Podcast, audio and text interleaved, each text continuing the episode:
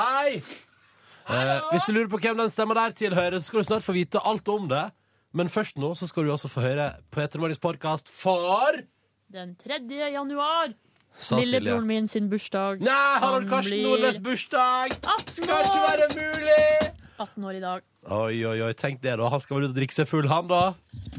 Ja, han sa at han skulle kjøpe akkurat sånn som eh, den andre broren min gjorde. Drar på butikken og kjøper ei øl av alle typene som de har. Ja. Er det en markering, det? Jeg er gammel nok til å kjøpe du, dette er bonusbordmateriale, dette her. Ja, det er det. Ja, så vi bare hører sendinga først. I dag har vi hatt mye besøk. Ludvig har vært innom og prata om Skaperverket som begynner på NRK3 i kveld. Ja. Tore Strømøy har hatt høytlesning fra Fifty Shades of Grey. Det vil du høre. Det vil du høre. Eh, og så har det vært mye annet òg. Så vi bare snurrer i gang dagens podkast. Så heng på! Heng på.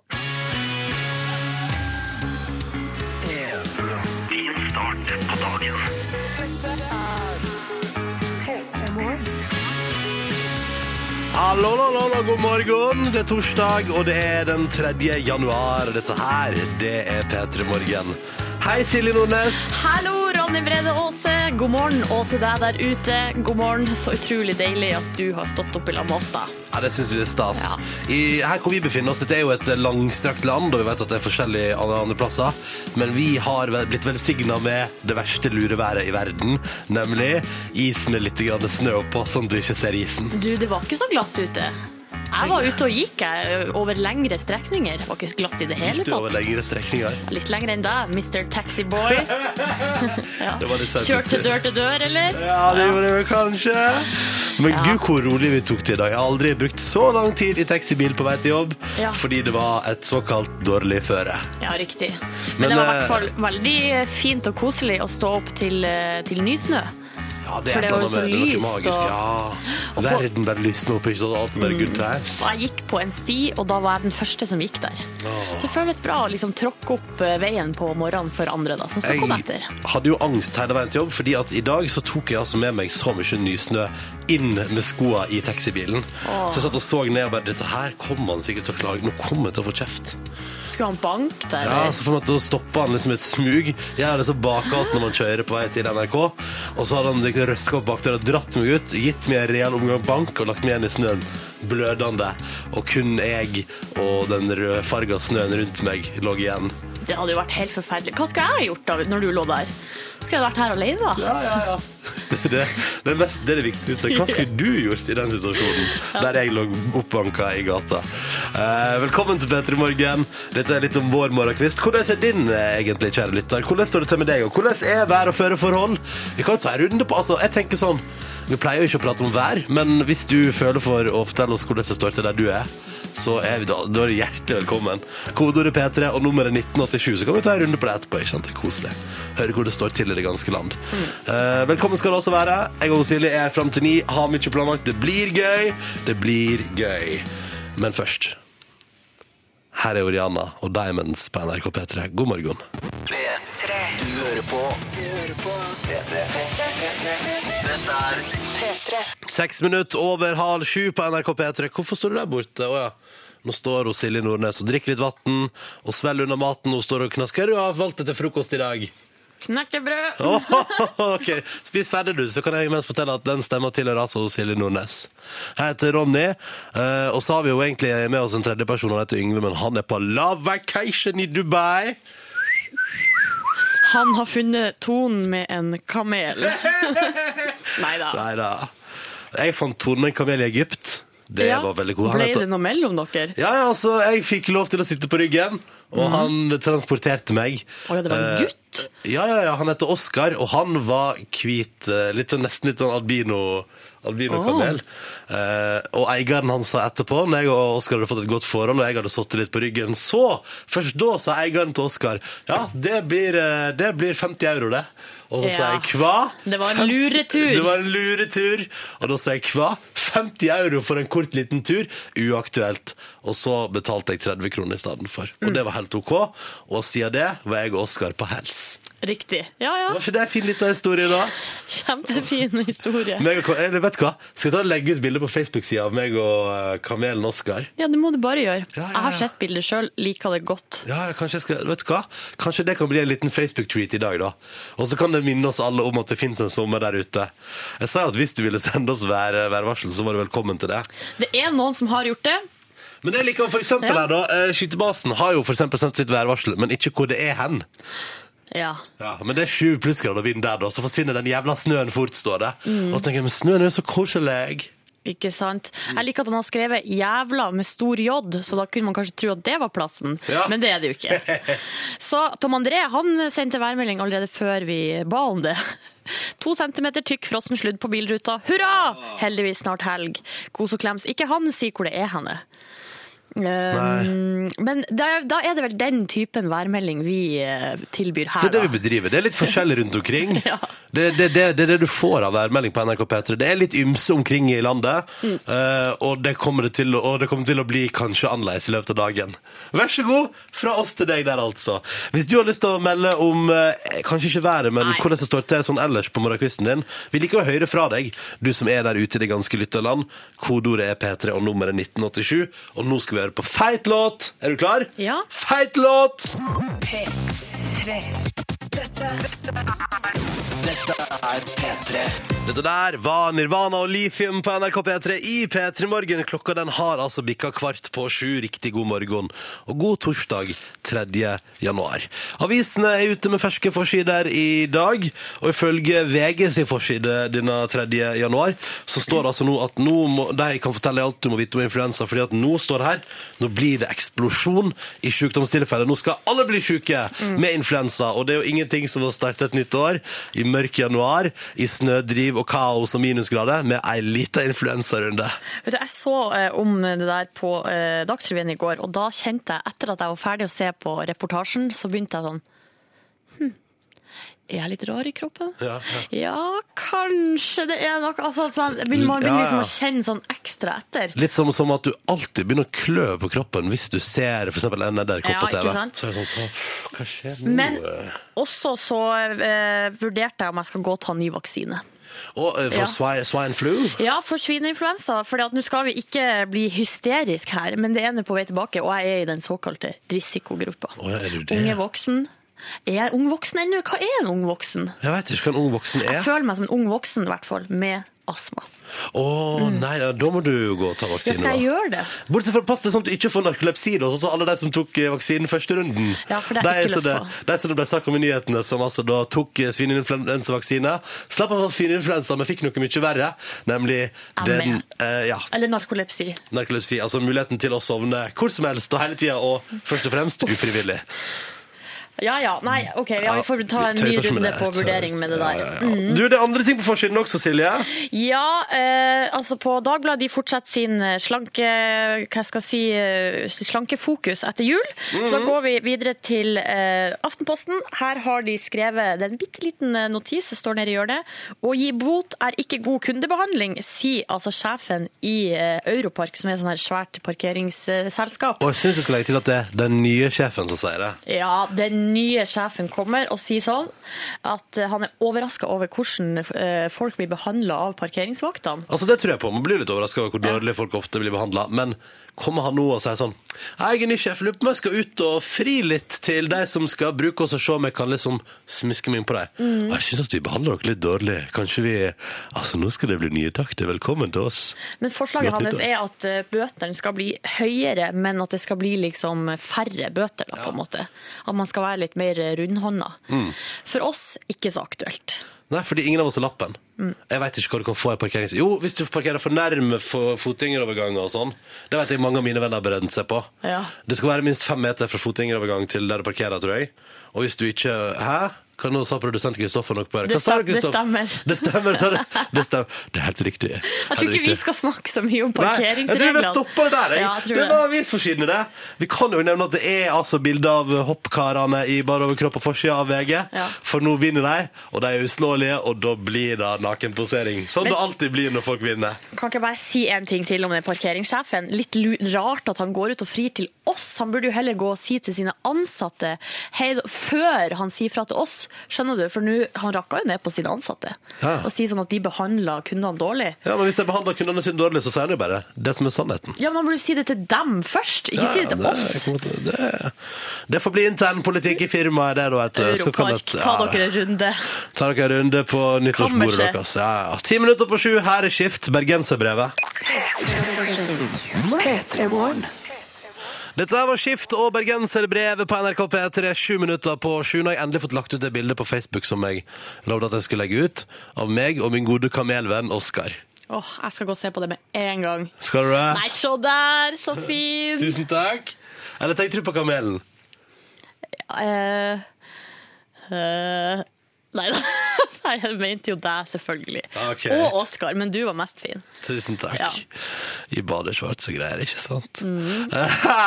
SMS-innboksen vår er åpen du på denne torsdagsmorgenen. Kodeordet P3 og nummeret 1987. Har vi fått til noe hyggelig, Silje? Ja, vi har eh, to gutter, eh, eller ja, det er i hvert fall en som skriver meg og Viktor har kjørt hele natta Ja. fra Hommersand mot Oslo, og skriver de her, har fått hilsen med på nattønske. Har jeg fått det, ja? Ja, gode gamle nattønske. Så nå får dere med en slags hilsen herav også, da. Og nå er det bare sjarmøretappen igjen. eh, Og da sitter de og syng- synger høyt i bilen og koser seg. Da. Åh, det Høres egentlig veldig hyggelig ut. Hallo, du og Viktor, var det? Ja. Jeg og Viktor. Viktor og jeg. Stemmer. Ja. God tur videre på sjåføretappen deres. Ja, det å få med hilsen, en hilsen på nattønske, det uh, står for meg som noe av det Jeg har også fått det en gang. Høyt, uh, høyt prisa. Høyt prisa. Ja. Mm. Jeg har også fått det en gang. Det var veldig hyggelig. Eh, takk, for, takk for det. Uh, SMS-boksen er altså åpen. Skal vi se her. Jeg liker at um, for eksempel her, da, så er det altså da um, en som melder at uh, Her står det her 'prøver å stå opp til å gå på skolen', ikke sant. Så da er noen i gang med det òg igjen allerede. Mm. Skolen er i gang sommerplasser. Sveiver i gang dette, dette svære systemet som man kaller skolevesenet. Og når man klarer klare for et nytt eh, semester. Og vedkommende syns det er tungt. Eh, dessverre anonym, men takk for meldingen til 1987 med kodeord eh, P3. Mm. Og lykke til på skolen i dag. Det går bra. Så det er andre som er mer morgen, morgenfrisk, sånn som han som er ute og kjører brøytebil eh, sør i Nordland. Han har sendt med bilde, da. Ah, det er det bildet. Det er også koselig. Eh? Kjempefint snøbilde. Ah, det ser ut som du har full kontroll i brøytebilen der. Full kontroll. Mm, vært og brøyta siden klokka fire i natt. Mm, ikke sant. Eh, hvis du vil hive deg på, du også, kodeordet er P3, og nummeret det er 1987. Fram mot en nyhetsoppdatering på NRK P3. Nå når klokka er fire minutter på sju, så skal vi ta med oss hun Matilda.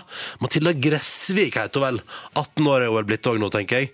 Dette her er låta som heter When Something Ends. God morgen og godt nyttår, og hei på deg. Du hører på Du hører på P3. Fem minutter over sju, riktig god morgen. Dette var Kesha og låta som heter Die Young i P3 Morgen.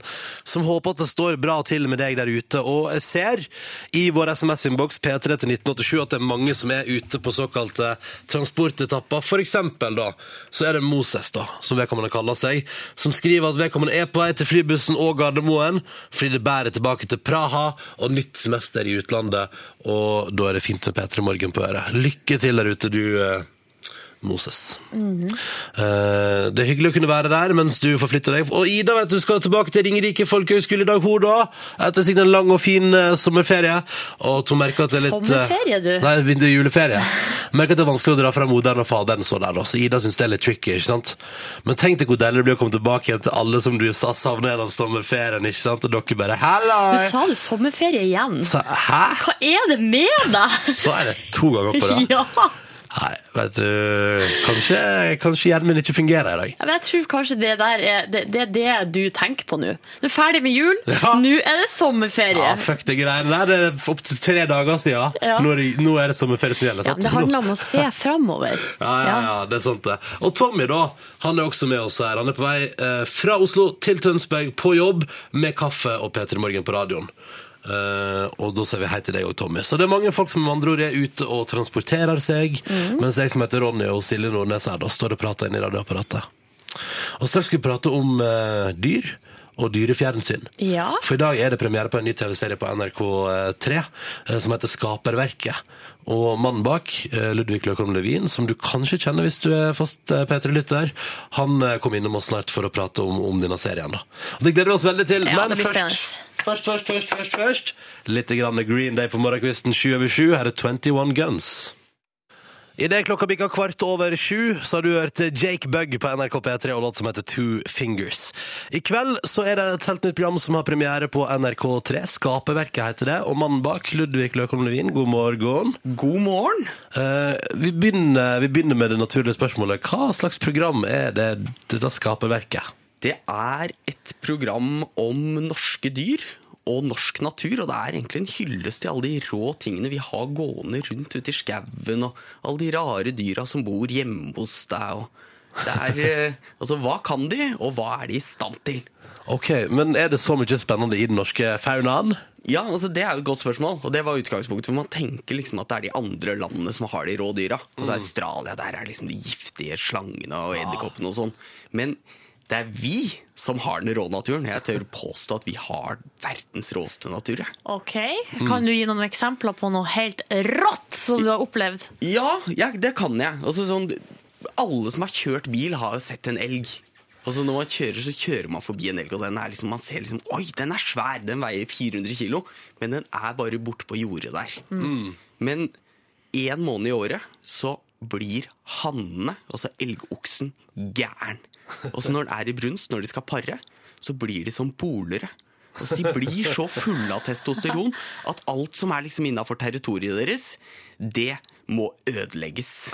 Destroy everything. Og når du liksom ser på all den biffen som er på de, og det svære geviret, så blir man jo interessert i å se hva kan den gjøre hvis den går på deg. Eller er det bare jeg som er interessert i det? Nei, jeg er litt nysgjerrig. Hvis du nå skulle være utfor en okse, da? Nei, okse, en elg. Elgokse. Ja, da, da, da burde man passe seg. De er ikke gode til å klatre, så man burde jo klatre opp i et tre. Altså, det er jo ikke verre. Men vi ville liksom se altså, hva skjer hvis man ikke gjør det, da. Så vi, dro, vi ga rett og slett en skikkelig, skikkelig brunsten hanne, brunstig hannelg en menneskedokke. Ja. Og så så vi hva som skjedde. Vi kan høre sånn kort klipp av det. Og nå, nå, nå har han tatt han, ser du det? Ja, nå har han vrengt hele bjørken ut av knutebånd! Og, og sånn kraft som det der. Men det var bare bang! Og det, det samme hadde han gjort overfor uh, over et levende menneske. Slått knute på mennesket? Ja, altså jeg, jeg kan fortelle deg, da. Altså, du hadde ikke sagt sånn her natur, norsk Norge har ikke noe kul natur å se når du får se det her. Ja. Fordi altså, det var helt fantastisk. Altså, den går jo der og er så stor og treig og sterk, og så får den da denne oksen, og det bare På null komma niks så bare moser den ned med geviret, og så legger den liksom all sin vekt, graver bakføttene liksom, ned i bakken og skyver den ned i bakken, løfter den opp og vrir rundt sånn at dokka ble bare knytta til en, ja, ble en knute. Det ble Yes. Ja. Hvor fant dere denne her brunstige elgen? Altså, eller jeg mener jo, eh, Kan jeg eh, støte på en sånn brunstig elg når jeg bare er ute og, og går meg tur? Uh, altså, du kan det, men du skal ikke være redd for å gå ut i skauen. Det er bare å vite liksom sånn mot slutten av august, så skal man passe seg litt. Og okay. ser du en elgokse, så skal du i hvert fall ikke gå nærmere for å få et fint bilde på Instagram. Når jeg går på tur, så bruker jeg å si sånn Og det er et tegn til elgen. Her kommer jeg, gå bort. Ja, Hva tror dere om det? Det funker Jeg bruker ikke å møte elg så ofte. Nei. Kanskje det er det som er trikset, altså. Ja. Fordi du er jo ikke vrengt, du er jo ikke knytta knute på. Nei, det stemmer. Du lever best velgående. Ja. Eh, Det har skjedd mer i programmet under Inspira-programmet også. Vi må prate om det straks. Eh, Skaperverket altså i kveld på NRK3. Eh, Ludvig blir sittende. Først tar vi med oss David Guetta og Kelly Rowland. Dette er When Love Takes Over. Når klokka nå straks er ti minutter på halv åtte. God morgen. Dette der var David Guetta og Kelly Rowland på NRK P3. When Love Takes Over. God morgen. Åtte minutter på halv åtte, og vi prater om den nye TV-serien som begynner på NRK3 i kveld. Halv ti er det vel? Helt riktig. Ja, Skaperverket. Ludvig, du er programleder der og er på besøk hos oss akkurat nå. Eh, konseptet er at dere tar for dere forskjellige sjangre av dyr i hvert program. Um, blant annet det kåteste, heldigste og farligste dyret. Ja. Dere kårer det på en måte, eller? Ja, så vi finner ut også man, Vi tror liksom at vi kjenner de dyrene som bor her ganske godt, men det viser seg jo at vi gjør jo egentlig ikke det. Altså Første program er øh, handler om Norges styggeste dyr. Og stygg som en gris er jo et vanlig uttrykk. Ikke sant? Og så går man og ser på den stuegrisen som noen Eller sånn minigris som noen har. Ja, barn løper jo til og vil kose med den. Og da tenkte vi liksom Er det da et godt uttrykk for noen som er altså, kjempestygge. Hvis man skal ha et kraftuttrykk for noen som er skikkelig stygge, så må man jo ta noe skikkelig stygt. Mm. Derfor vil vi da prøve å forbedre det uttrykket i første program, og finne ut hvilket dyr er man like stygg som hvis man er skikkelig stygg. Hvis man er skikkelig, Oi. skikkelig stygg. Og så er kåt som en kanin et uttrykk som vi prøver å forbedre. Hissig som en veps. Ja. Ja, ikke sant? Og vi har alle kjør der. Og så heldig gris, da, eller? Heldiggris, Norges heldigste Ja. skapning, den prøver vi å finne. Og et alternativ der er faktisk blodigla. hvorfor det? Fordi Før i tida så drev man med årelating. altså Man lot blodigla suge ut blod, og så trodde man man skulle bli frisk av det. Det viste seg at man gjorde jo ikke det. Men på den tida hadde vi nesten ikke blodigler i Norge. Og leger er jo ganske late, vet du. Så de satte ut blodigler rundt omkring i hele landet, sånn at den fikk spredd seg. Den har jo ikke noe bein, så den kan jo ikke gå sjæl. Og da mener jeg du har ganske flaks. Altså Hvis du blir liksom bare, du får et helt nytt land Ja. fordi leger ikke gidder å bære deg rundt ja, og tror. Og det er flaks. Og det som er litt morsomt, da, er jo at dyr de, eh, de tar jo ikke regi, som det heter. Man veit aldri hva de gjør. Og vi måtte jo teste denne blodigla, da, så vi dro til liksom det vannet hvor de sier at de har mest blodigler av alle. Og så satte vi oss ned og la beina nedi og lot de suge og sånn og kikka på det. Koser dere, koser dere med blodigler der, Ja, ja? og nå beklager jeg hvis det blir litt brutalt, altså, men når vi trodde opptakene var ferdige, og vi ser liksom sånn kamera begynner å svinge og sånn, ja, nå begynner vi å rydde, så tar min medprogramleder, altså Andreas Hedemann, han tar hånda ned i badeshortsen, for han har også vært nedi og bada i den myrpytten, da. Så lurt. Og da tar han opp hånda, og der er det masse blod, og det høres sånn her ut. Du, Ludvig. Hva er det? Hva er det du driver med? Å, herregud! Og vi trodde vi var ferdige, vi pakka, vi trodde vi var på vei hjem, og han har da blod på hånda, så viser det seg at da har da en igle sneket seg inn i den stakkars mannens badeshorts. Nei, nei, nei, nei, nei. Jo, jo, jo, hør her, her driver han og prøver å finne ut hvor i alle dager den har satt seg. Bare kjenn etter hvor den er, liksom. Å, fy faen. Ja, den er på Den er under. Sorry, ass! Hvor er den? Den er midt under. Er det skrukket, eller er det rassen? Ja, nei. Det er et sted imellom. Nå er det blod over hele brenneren. Nei! Nei, nei, nei. Er det bare å rive dem av? Hvordan funka det der, egentlig? er det det ikke er. Man, eh, man skal strø salt på de, eller brenne de av. Det er det ekspertene sier. Oh. Men han her hadde jo gått stakkar med han hadde jo gått rundt med den, og den hadde spist seg ganske stor. Den satt jo midt under der hvor han sitter, så han hadde satt seg på en stein, og da Mosa Nei! Og det er sånn som skjer når man jobber med dyr, da. Altså, De gjør ikke som du ber dem om. Heller tvert imot. Heller Så tvert jeg kan fortelle dere at dette har vært et veldig moro program å lage. Ja, Det skjønner jeg godt. Hva, har du pådratt deg noen skader på hele greiene? Nei, altså bare småting. Altså, man må jo være forsiktig, og så må man jo behandle dyra med respekt. Men jeg tror sånn i løpet av, av liksom opptaksperioden så tror jeg liksom jeg har, har mer respekt for naturen.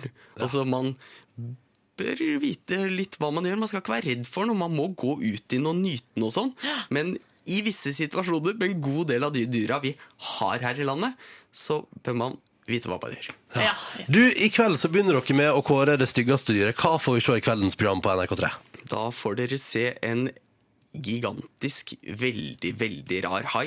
Altså Folk som bor i Trondheim, de har den rett utafor stuedøra si i Trondheimsfjorden. H-kjerring. H-kjerring, den er kjempestor. Og så får vi se noen eh, fluelarver som driver med ikke så veldig pene ting. OK. Det Jeg kan love dere mye, og jeg kan også love dere en ting, og det er at grisen det er ikke det styggeste dyr vi har her i landet. Det tror jeg på.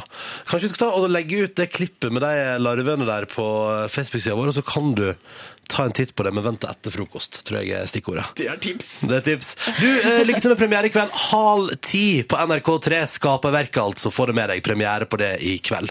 Nå på NRK P3 så skal vi nyte litt deilig musikk fra Coldplay. Dette er Hurts Like Heaven, og den får du tre minutter på halv åtte. God torsdag. Dette er P3. P3. Don't you worry, child. Dette var Swedish House Mafia det er på NRK P3 idet klokka nå er i ferd med å bikke sju minutter over halv åtte.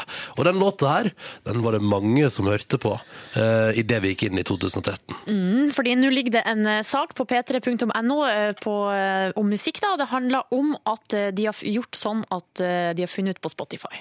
Nå det- ble det veldig komplisert for meg her. Det er ikke det. De har uh, laga ei liste. Hvilke låter ble spilt mest mellom 23.55 og 00.05 på nyttårsaften? Altså i løpet av de ti minuttene der, akkurat rundt eh, når slaget slo tolv, hvilke låter eh, var mest populære? Denne sangen, Swedish House Mafia, ligger på fjerdeplass i Norge. Hva tror du ligger på førsteplass, Ronster? Um, det var vel uh, whoop, whoop, whoop. Nei, det var på den britiske lista. Der Å, ja. er det Gangnam Style som er på den førsteplass. Men på den norske, for de har laga to lister, norsk og britisk, på den norske så er det ABBA Happy New Year. Ja, aka en av de tristeste låtene i verden. Ja, den er kanskje litt trist. Nei, det er litt Du er ikke så glad i ABBA, eller? Jeg er ikke så glad i ABBA, jeg er ikke så glad i den Happy New Year-låta deres heller, for den er vel egentlig ment å være ei stusslig lita sak. Men den Ja. altså da norske Spotify-brukere sittet mellom fem på tolv og fem over tolv og hørt seg i hæl på eh, når vi gikk inn i det nye året. Men en ting som jeg stusser over over de her listene her, er jo at um, det er jo ingen som er inne akkurat på det her tidspunktet. Altså, mell, altså akkurat klokka tolv så er jo de fleste ute, er det mitt inntrykk. Ja, eller så er man på verandas, balkongs, Ja. og vet du hva? Jeg Man sitter jo på... ikke inne og hører på musikk. Nei, nei, men kanskje man har med et minianlegg ute, ikke sant? Jeg har jo Spotify på mobilen min, ikke sant? Ja. Kanskje jeg kunne tatt meg altså jeg gjorde jo ikke det, men jeg kunne tatt meg litt av, uh, litt av anlegg ut, og så spilt uh, fra Spotify der. Men det er nå en gang det folk har hørt på. Hva mer er det folk har hørt på? Nei, altså det er uh, ja, ABBA på førsteplass, og så er det Rihanna med Diamonds. Nå er vi på den norske lista, da. Gangnam Style på tredje. Og så er det mm, Ja, det er jo den her eh, Asaf Avidan, One Day Reckoning Song, og Lupe Fiasko. Fiasco, Imagine Dragons er her. Men det jeg får litt sånn inntrykk av av denne lista Og DJ Broiler på en god ja, sjuendeplass Den må vi aldri glemme. Du må aldri glemme DJ Broiler på sjuende. Men jeg får litt sånn inntrykk av at det her er egentlig bare sånne party Det er bare partyliste som bare står og går. Ja. Og så er det bare tilfeldigvis eh, Rihanna som har gått nesten mest. Mens, altså, den har liksom stått på Spotify inne mens alle har gått ut en tur. Ja, det er det som jeg får inntrykk av her. Rart. De skulle jo tatt med det som eh, ble hørt på der som jeg var eh, rett over midnatt på nyttårsaften. Hoitist Hoit is der- mein Tag. Hoit is mein Tag ble spilt på den nyttårsfesten jeg var på. Tenk om det hadde vært da! Mest spilt på Spotify i Norge idet det vi gikk inn i nyåret. Hoitist mein Tag, hoitist mein Tag, hoit is my time. Ja, men i dag er jo din dag. Hver dag er Er det det det det betyr? Hoit is my time? Ja, det i dag er din dag. Åh, det Eller i visste dag jeg. er min dag, betyr det. Ja, Si det, ja. ja, ja. Her er Phoenix. Du hører på Du hører på P3. Phoenix, Everything is Everything på NRK P3, tolv minutter over halv åtte. Klokka nærmer seg kvart på åtte, med andre ord. Det er morgenkvisten, det er torsdag, det er den 3. januar, og du som er våken, i alle fall til dels, du tror du er våken, og hvis du hører dette her, så er iallfall et eller annet i deg eh, i gang eh, med en ny dag. Da hører du altså på P3 Morgen. Jeg heter Ronny, og Silje Nordnes sitter rett overfor meg. Eh, kledd i rødt i dag, Nordnesen. Ja, det er vel mer sånn rosa. Lakserosa, vil jeg si. I dag, ja. Det er faktisk et, en farge jeg har tatt sterk avstand fra. Hvorfor det? Nei, altså navnet. Navnet, Ikke fargen, men altså Å, ja. å kalle noe for lak lakserosa. Gud, hvor trist, da. Ja, den er i hvert fall ikke rødt. Og det er jo heller ikke rosa, så da er det noe midt imellom. ja, men da går jeg for rødt, jeg, vet du. Okay, ja, ja. Jeg sjøl, svart T-skjorte med et slags trykk på i dag. Um, et slags trykk på i dag. Det er favorittskjorta di, det der, tror jeg. nesten. Nei, men den, vet du, da ble det det første jeg fant i skapet. Ja. Uh, drog den ut av skapet, ikke sant, og der var den. Og tenkte sånn, ja, men altså, jeg skal nå være på radioen, det er ikke som om jeg skal på fjernsyn eller noe. Mm. Så da ble det den, da. Det er det som er digg med å jobbe i radio her inne i radioen. Jeg kunne jo sagt til deg som hører på nå, jeg og Silje sitter her, jeg har på meg altså smoking, uh, og noen har stått på sånn flotteste ballkjole. Og så har jeg også på meg sånne hansker, sånne lange hansker som du har på deg, som går helt over albuen, sånne glinsete. Og så ringer utapå hansker. Mm. Ja, og der sitter du da, og sier ja. Mm. Eh, Og så er du der ute i det ganske land og hører på oss. For eksempel da Martha fra Harstad, vet du, som skal på skole i dag. Sov i to timer og har skole til kvart på tre. Juhu, prikk, prikk, prikk. Hvorfor så du så lite? Kanskje du hadde TV-seriemaraton? For det er jo noe av det som lettest steller meg våken, i alle fall, Martha. Er ikke det litt typisk på denne tida at det er, fucked up døgnrytme hos de eh, veld, veldig mange? Og så hjelper det sikkert ikke at du fikk det bokssettet med Big Bang Theory, eller i mitt tilfelle Twin Peaks til jul. Å, fikk du det? Fikk Twin Peaks til jul av søstera mi, Uh, fordi jeg ønsker meg Twin Peaks. Alle har prata om det siden jeg ble født omtrent. Ah, Twin Peaks, det er så bra. Så nå skal jeg se litt av Twin Peaks. Kan jeg bli kjempeskuffa. Nei, du kommer, jeg tror du kommer til å like det, men bare obs på at det kan skje masse rare ting i livet ditt når du ser på det. Hva mener du? Nei, det skjedde med meg den sommeren jeg så på Twin Peaks. skjedde altså så mye rart. Hva skjedde med deg den sommeren du så Twin Peaks? Venninna mi, som er verdens snilleste venninne, holdt på å havne i slåsskamp med en frisør. på fast. Ja, ja. Det var ganske rart. Jeg trodde du skulle si at venninna di som verdens snilleste turned evil that summer. Ja, det, Man kan man jo spørre seg hva det var som skjedde. Oh, ja, sånn ja. ja. du de ville banke opp en frisør? Nei, det ble aldri, kom aldri så langt. Ja, Flaks det, Ja. da. Du, eh, straks skal du få Bruno Mars med 'Locked Out of Heaven' på NRK P3. Først nå, dette her er Carpe Diem, og hva heter låta, Silje? Jens, Jens, Jens, Jens! Dette er P3. P3. Bruno Mars og 'Locked Out of Heaven' på P3. Ja, ja, ja, ja, ja. Åtte minutter på åtte. God morgen til deg som hører på oss som er våken i det ganske land, rundt omkring, ved frokostbord, i biler, allerede på jobb, og kanskje noen er ute i stillas. Hei til alle i stillas. Og hei til alle i senga. Kan jeg prøve en ting, Silje? Jeg vet ikke om det funker, men jeg har lyst til Fordi En gang var jeg vikar på Popsalongen, og så sa jeg hvis det er noen som står oppi et stillas nå Ta et bilde av det, men det er kanskje litt for tidlig på morgenen. Men hvis det er noen som står i et stillas og har en eller annen form for utsikt, send inn da P3 til 1987. Så kan vi ta en titt på bilder av folk rundt omkring i stillas. Hvis det er noen der ute, da. Hvem veit. Um, vi har blitt lurt i dag, både jeg og Silje, av uh, forskjellige nyheter på internett. Ja. Uh, og det er jo sånn at de lager da forsidene sine, ikke sant? både VG, Dagbladet og NRK, Aftenposten og alt som er, uh, har sånne nettforsider du går inn på.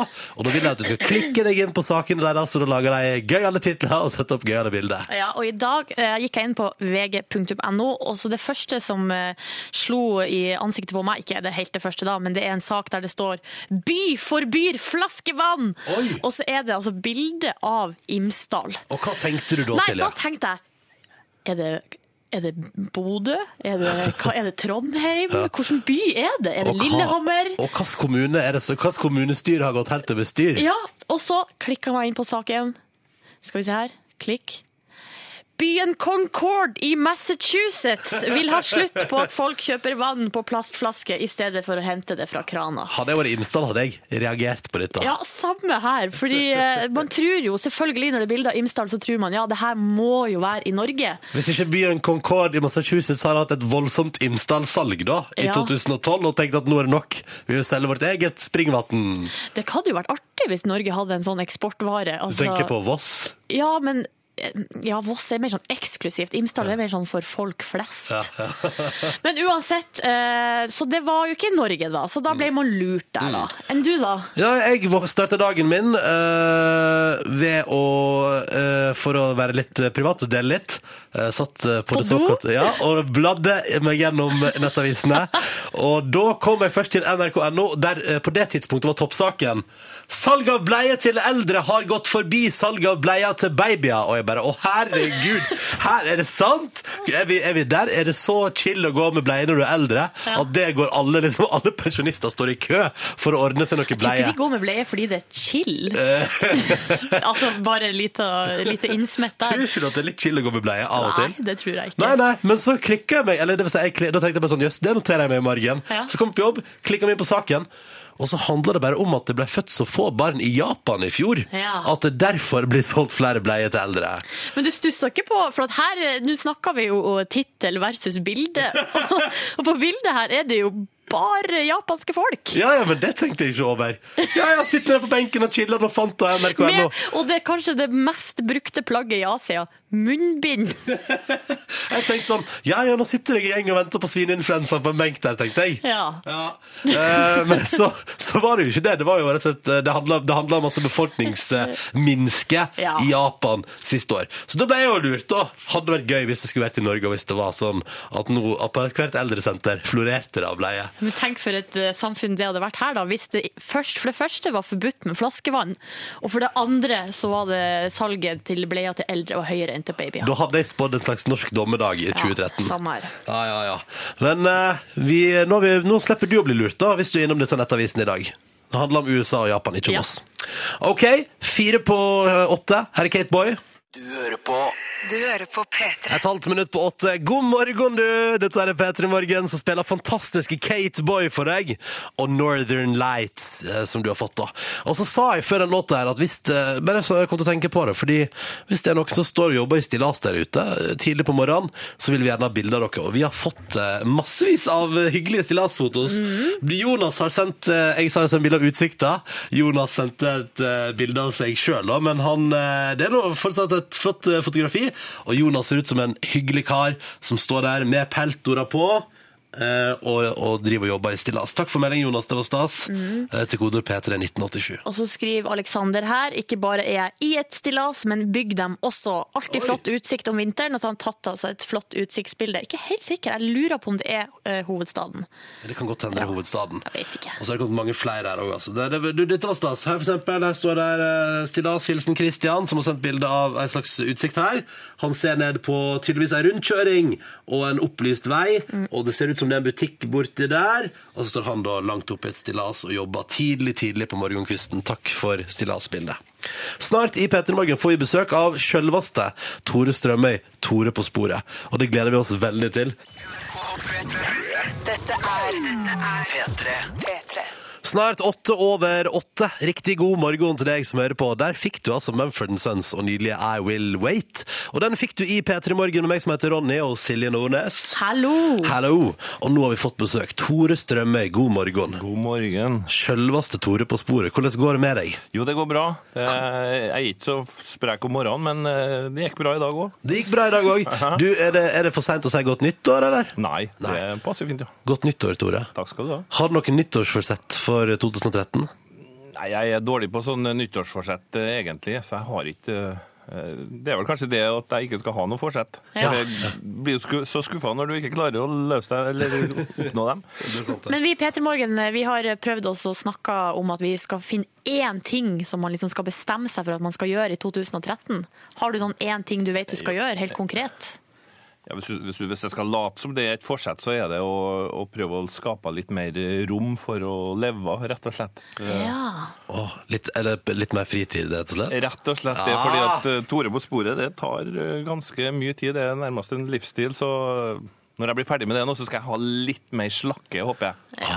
Da er det å nyte livet og kose seg. Men på søndag er det altså premiere Ja, det er det. på en ny sesong av eh, Det er vel et av de største TV-programmene i norsk historie. Tore på sporet. Det har vel vært det, ja. Og er vel det enda òg. Ja. Eh, der du, for å oppsummere ekstremt eh, kort, eh, du reiser rundt og finner folk som folk er på jakt etter. Rett og slett. Ja.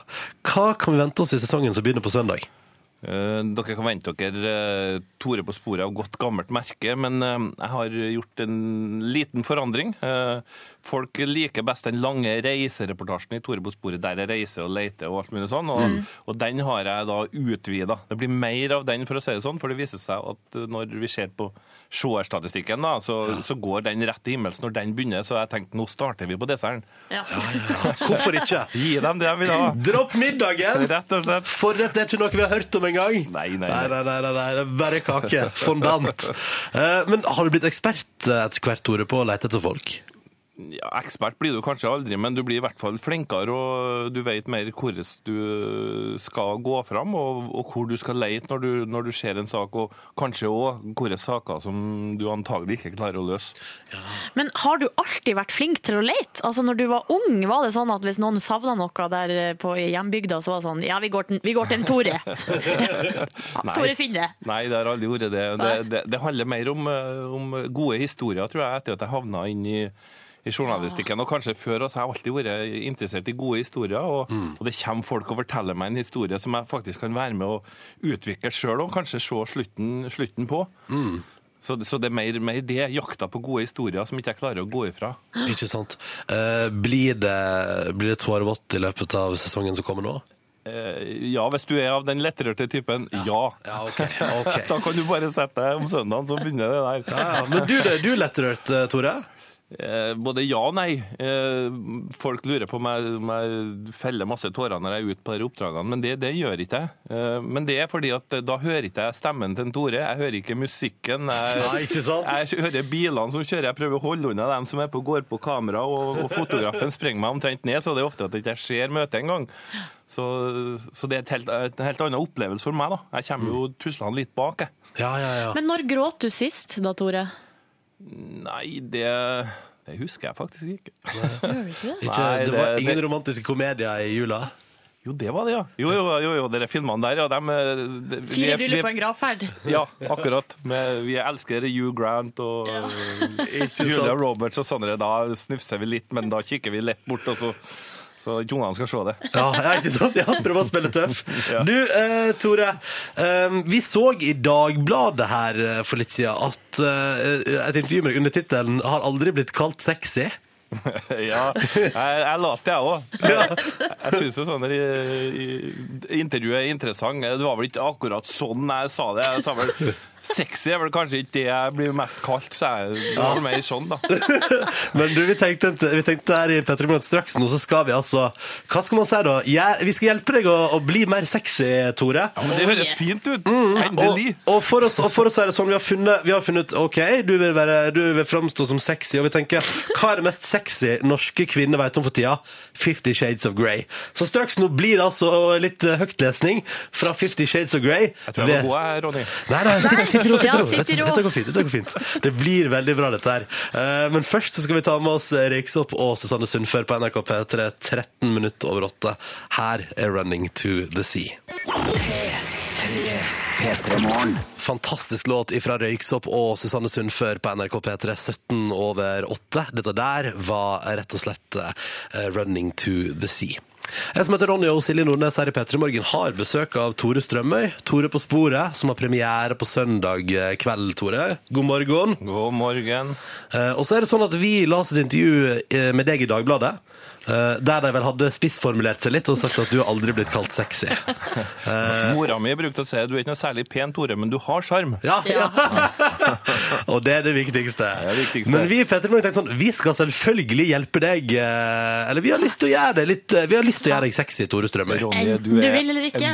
En- Dere er gode venner. Ja. Ikke sant? Og det vi har ordnet da, selvfølgelig, vi har gått litt som en runde og tenkt sånn, hva er det mest sexy for tida? Eh, som spesielt da kvinner synes er stas og sexy? Jo, det er Fifty Shades of Grey. Derfor, eh, er du klar, Tore? Klar og klar. Vet du hva? Eh, jeg sier bare, du som hører på NRK P3, hør på denne sexy mannen Tore Strømøy når han leser høyt fra Fifty Shades of Grey. Vær så god. Fifty Shades fanget, kapittel 8, side 129. Vil du virkelig gjøre herre? spør han mildt. Gjerne, sier jeg bedende. Dra opp knærne dine, kommanderte han mjukt, og jeg adlyder fort. Nå skal jeg knulle dem i stil, sen, idet han passerer, plasserer hodet på ereksjonen sin ved kjønnsåpningen min. Hardt hvisker han og hamrer seg inn i meg.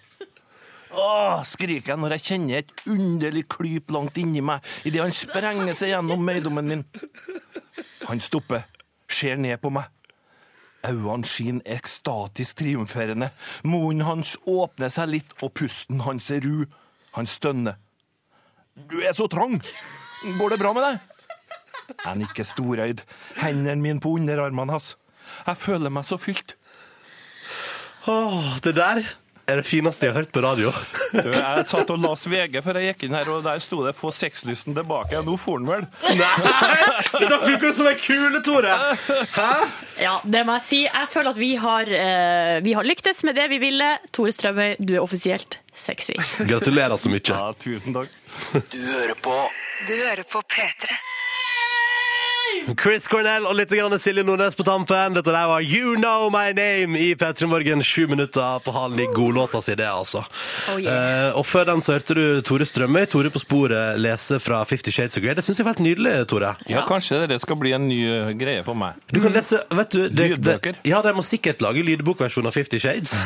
Da Ja, kan men du da lese. er jo du Da har vi på en måte eh, jobbsøknaden klar, da. Jepp, Ja. jepp. Eh, Du Tore, du er på besøk hos oss, og på søndag starter en ny sesong av Tore på sporet. Men akkurat nå vil jeg prate med deg om noe helt annet. Mm. For da jeg begynte i P3, Tore, Ja. ja, så delte jeg kontor med deg. Ja. Ja, eh, og så lurer jeg fordi, lurer jeg litt på eh, em, Det tok ikke så lang tid før du og resten av Tore på Spor-redaksjonen flytta.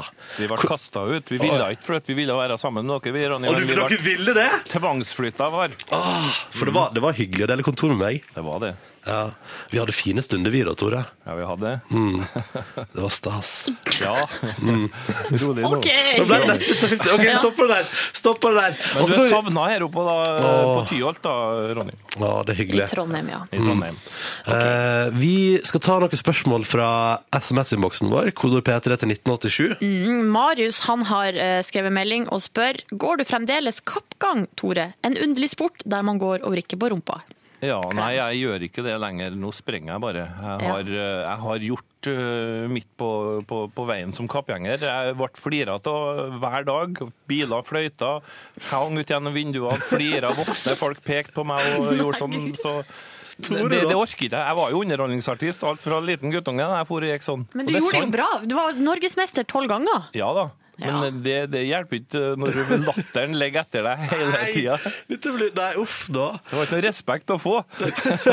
Ikke engang med tolv NM-titler. Hvor Har du, med, har du medaljeveggen eh, full, skulle jeg si? Ja, det henger, jeg har et sånn gammelt åkle hengende nede i kjelleren. Der eh, henger det noen medaljer, i hvert fall. Ja, ikke sant. Eh, så du har rett og slett gitt deg på kappgang og begynt med jogging i stedet? Men vi skjønte jo det, ikke sant? vi konkurrerte med østtyskere og russere og sånn, og det, vi, vi trodde de var fra en annen verden. I dag vet vi jo hvorfor, ikke sant? med dopingen og greier, så jeg tipper at de var godt fylt opp. Så jeg hadde jo egentlig ingen sjanse. Du hadde egentlig ingen sjanse. Men i Norge var du best. I Norge var jeg best noen ganger, i hvert fall. Ja, det er stas, da. Skal vi gå videre til spørsmålsruletten? Jeg lurer på om vi er nødt til å gå videre til Vi gjør det, vi gjør det. Uh, og da er det så enkelt som at vi, vi, trekker. vi, Trekker. vi trekker en lapp fra vår vesle bolle. Ja, skal vi se her. Tore, det står nummer sju. Spørsmål nummer sju i vår rulett. Er du klar for det, eller? Ja, ja, ja. Da skal du få spørsmål nummer sju, og det kommer her. Hvor nær har du vært døden? Oi. Oi. Ja, nei, jeg, har, eh, jeg var i New York en gang eh, på filming med Tore på sporet. Eh, Da ble jeg stående litt i lane. Og da plutselig så hørte jeg en fyr som sa Would you mind giving me that camera? Jeg sto med en sånn greie på magen, og da kikka jeg ned, og da var det en, en diger kniv som sto rett opp mot magen på meg. Er det sant? Ja. Så uh, jeg, Dum som jeg er vet du, fra Frøya og greier, så jeg hadde ikke noe lyst til å gi ham noe kamera. så Nei, det var ikke snakk om det. Nei, den gamle idrettsmannen, han, han jeg, jeg satt norsk rekord i baklengs hopping. Gikk du, du gikk ikke Stille kappgang fra han? Jeg bare spratt av gårde og havna ute i gata. og Jeg, jeg skjønner ikke hvorfor. Jeg burde ikke ha gjort det. Jeg burde bare gitt den kamera og vært snill, men det gjorde ikke jeg. Så jeg yes. hoppa av gårde, og fyren ble forvirra og begynte å tussle gjennom gata da han forsvant. Så det er vel det nærmeste sånn skitt. eh, Tenk det. Tore. Der, eh, vi, tenk, tenk, der kunne du endt dine dager midt på ei gate i New York, altså. Ja, Men like før, da, når vi for og tusla opp på Manhattan bare for å vise dere hvordan det er å være Tore på sporet Jeg gikk jo der i, i vrimmelen, og så plutselig så hører vi fra andre sida Tore på sporet! Ah, det er nydelig. Rett ifra eh, den gleden til en kniv eh, opp et eh, uff, uff, uff, uff. Eh, Tore, lykke til med premiera på programmet Ny sesong på søndag, og tusen takk for at du kom til oss i P3 Morgen. Bare hyggelig. P3 Morgen. Ah, yeah, high five for life! Dette var Blood Command på NRK P3 i P3 Morgen. Seks minutter over halv ni. Riktig god morgen til deg som hører på. Eh, og det du hører på, er altså P3 Morgen. Jeg heter Ronny, og Silje Nordnes er her også. Strekker meg litt da, vet du. Ja, ja, ja. Sånn, ja. Det går bra. Man må strekke seg litt for å få liksom løsna opp i kroppen. Ja. Du har jo vært plaga med ryggproblem siste halvår. Hvordan går det med deg? Nei, det går ikke så bra, men eh, nå har jeg funnet ut at Og det er innstillinga til livet alle bør satse på i 2013. Nei, det går ikke så bra. Men når uh, lønninga kommer nå i midten av januar, da skal jeg ta også oppsøke hjelp. Profesjonell hjelp. Ja, så hva tenker du da? Jeg har ikke råd til det nå. Nei, jeg tenker jeg vet ikke, naprapat eller fysioterapeut eller noe sånt. Alla der. Mm, I hogget. Og så tror jeg jeg skal få uh, spikra et spesialopplegg, treningsopplegg. Ikke sant. Ja, sånn er nå det. Sånn er nå det. Da vet vi alt om det. Lærlingen Lasse vet du, i Egersund har sendt oss et flott eh, bilde fra sitt stillas. Han har utsikt over fjorden. Dessverre er det altså så mørkt ut at vi ser ikke fjorden, men vi ser stillaset. Og det ser flott ut. Ja. Jeg har tidligere i dag nemlig spurt om du som hører på, hvis du nå skulle være den typen som står i et stillas, kunne sende oss et MMS-bilde av det, så kunne vi liksom se om det var noen som hørte på oss ute i det ganske, ganske stillas der ute. Og det var det. Har du en hemmelig drøm om å kanskje en gang jobbe på et stillas? Nei, jeg syns det er så skummelt, så det tør jeg ikke. Ja, okay. Jeg har litt grann, altså, jeg vil ikke, jeg vil ikke liksom si at jeg har høydeskrekk, for jeg har jo egentlig ikke det. Men jeg har det litt. Vi fikk et bilde her, en som har eh, sendt inn uh, et bilde, da, og så ser du liksom langt ned ser du gata, og så står det bare 11, et- eller 11 etasjer over Oslos gater. Og det, ser, det er høyt, ja. Veldig høyt. Og det er den der, ja. Skal se, nå skal jeg klikke meg Men kanskje vi kan ha sending fra et stillas en gang? Kanskje vi kan ha sending for et stillas en gang? Ja, vi gjør det. Ja, det var veldig høyt ned. Det hadde, jeg vet ikke om jeg hadde turt. Vi får se. Vi får se i framtida. Du, eh, vi spiller litt eh, god musikk for deg på NRK P3. Hvis du vil sende oss ditt stillasbilde eller noe helt annet, så er kodeordet P3 og nummeret det er 1987. Dette her er Keisers Orkestra. Åtte over halv ni. Siste dans. Dette er P3. P3. Young Blood Hawk på NRK P3 kvart på ni og låta som heter Det skal jeg ikke gjøre mer nå. Nå kjenner jeg at det er nok med å si sånn. Og det var låta som altså har tittelen We Come Running etter i tilfelle du ikke fikk med deg det barnekoret der. Jeg har lyst til å prate om en sak som ligger ganske langt oppe på nrk.no sine nettsider akkurat nå i dag, eh, den 3. januar, rett over jula. Ikke før vi har kommet ut av eh, kakeosen. så er det altså trøbbel i Danmark. For nå inn, skal jeg rett og slett eh, kontrollere staten sin effektivitet der, står det i overskrifta, fordi det viser seg at i den danske riksrevisjonen så har de en ekstra fridag før jul, nemlig en eh, fridag som er eh, sørga for at man får tid til å bake julekake. Ja, Det er jo litt sånn artig at det er i Riksrevisjonen at de har en egen fridag for å bake kake, for at det er jo nettopp den eh, skal vi si, revisjonen, da, Riksrevisjonen. Det er der de har ansvaret for å kontrollere at resten av staten er effektiv og økonomisk forvalta. Mm, men så men... har de sjøl en fridag for å bake julekake. Ja, men jeg syns det er helt topp, jeg. Eh, det er en gammel tradisjon, da, har vært med noen år. Ja, fra eh, 1978 lite. Ja, det er mange år. Det er før du ble så, født. Ja. Det er lenge før du ble født. Det er nesten ti år før jeg ble født. Ja. Uh, og så har jeg altså en kakedag, og jeg syns det er helt topp. Ja. Skal fortelle, nå skal jeg fortelle deg hvorfor jeg syns det er helt topp at jeg gir seg en dag ekstra med lønn uh, for å bake kake. Det er fordi det er nå det mest konkrete ferieopplegget du har hørt noen gang, er det ikke det? Ja, det er veldig konkret. Det er veldig konkret. Ta et eksempel. Himmelspretten her i Norge. Hæ, hva er det for slags dag, da?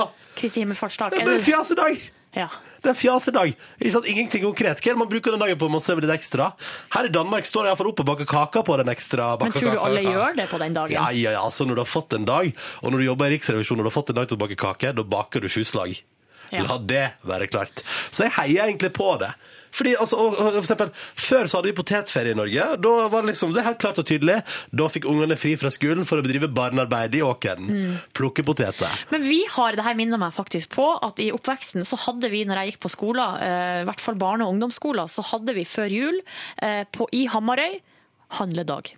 Handledag! Handledag, fordi eh, vi måtte reise til Bodø med buss eller båt for å handle julegaver. Ikke sant? Så da satt av, og da var det invasjon av eh, Bodø, da, Bodø sentrum. Da satte de opp ekstrabusser, for nå skal Hamar ut og handle. Ja. Og da skulle du kjøpe CD-plater og kleder. Men jeg tror det var en del som benytta den dagen til å bare sove lenge og bedrive fjas. Men hvordan fikk de da ordna Måtte julegavene? dra i helga, da. Ja.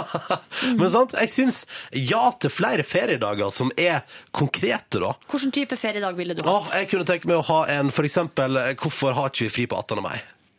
Ja, men Hva skal du kalle dagen? Er det liksom hver fyllesyk-dagen? Ja. Eller skal det være uh, Se på TV-serier-dagen? Altså, det må jo hete Åh, noe tenk deg en med egen se på TV-serie i dag. Ja. I dag står Norge stille fordi vi bruker tida vår til å se på TV-serier. ja, ja, OK. Ja, ja, det er helt, det er helt uh, topp, det. Eller jeg kunne tenke meg å vaske huset i dag. Det er hver fredag. Fri hver fredag. Vaske huset-dag. Vaskehusedagen! Eh, Så da er det bare å henge seg på den og vaske huset hver fredag. Nei, men jeg, jeg heier på konkrete fridager istedenfor sånn vinterferie, høstferie og ja, ja, pinse.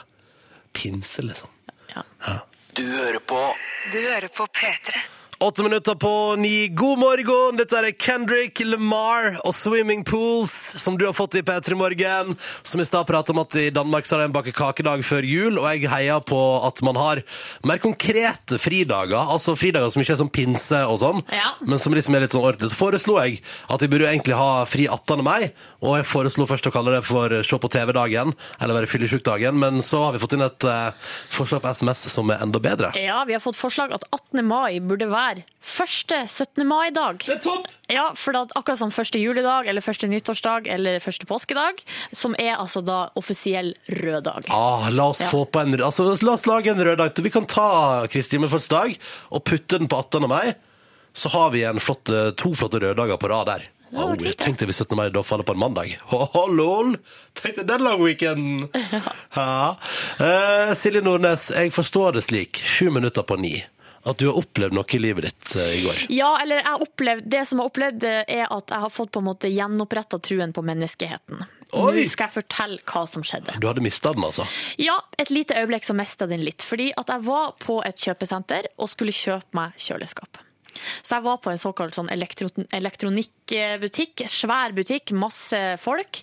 Eh, ganske mye ståk og ståhei. Og så var det jo en selger som prøvde hardt å selge meg et sinnssykt dyrt kjøleskap. Jeg klarte å stå imot. Ja, men Har du ikke litt lyst på et sinnssykt dyrt kjøleskap, da? jeg tenkte hvor stor forskjell kan det være på de her Å, kjøleskapene? ganske stor! Ja, jeg, jeg kjøpte det billigste. Og så, Men så det som skjedde var, på vei ut, så, eh, så hører jeg ei lita jente som er kanskje seks år, lita sånn kjempesøt sånn lita prinsesse, som går og brøler 'Jeg vil ha et ekte kamera!'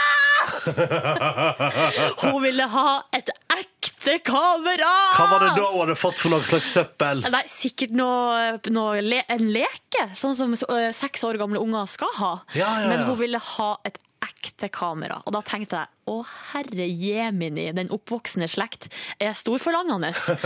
Eh, her skal man ha liksom speilreflekskamera, kanskje noe um, Altså, Skal du bli en god blogger i en alder av 14-15, så må du begynne med speilrefleksen i en alder av 6. Tidlig. Ja, uansett, så jeg bare rista på hodet, gikk videre, og så var jeg innom en sånn her um, CD, DVD, dataspillforretning.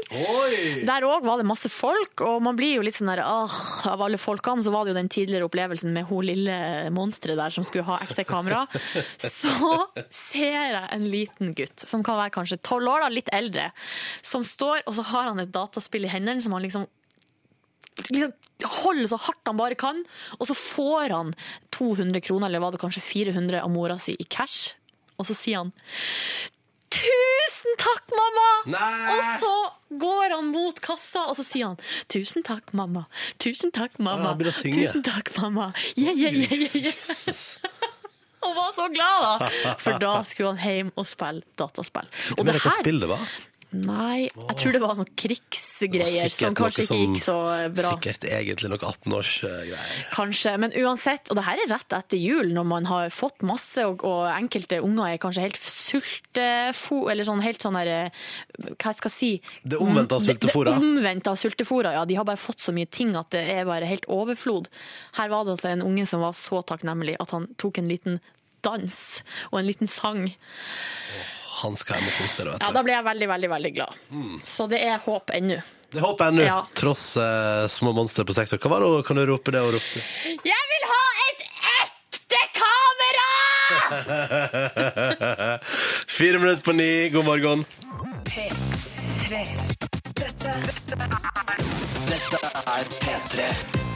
Podkast, bonusspor! Hei, hei, hei! Velkommen til det. Hvem er til stede i rommet? Jo, det er meg som heter Ronny, og jeg har spist eh, dobbel porsjon røstig potet med bacon før podkasten i dag. Mhm. Fordi vi har fått så mye tilbakemelding på at eh, spising under podkast bonusspor, ja, det er fy-fy.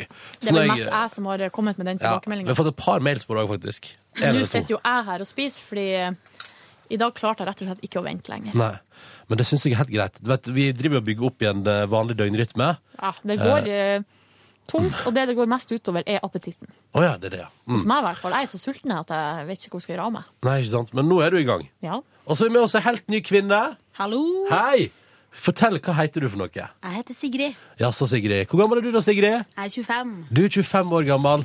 Og hva Hva bringer deg hit Hva til bringer deg hit til bords til bondesporet vårt i dag? Jeg bare gikk forbi NRK-bygget, og så så jeg dere to satt der og spiste, og så Tenkte du sånn Jeg blir med! Ja, jeg blir med. Ja. Eh, jeg skal begynne å være produsent i P3 Morgen. Drømmejobben!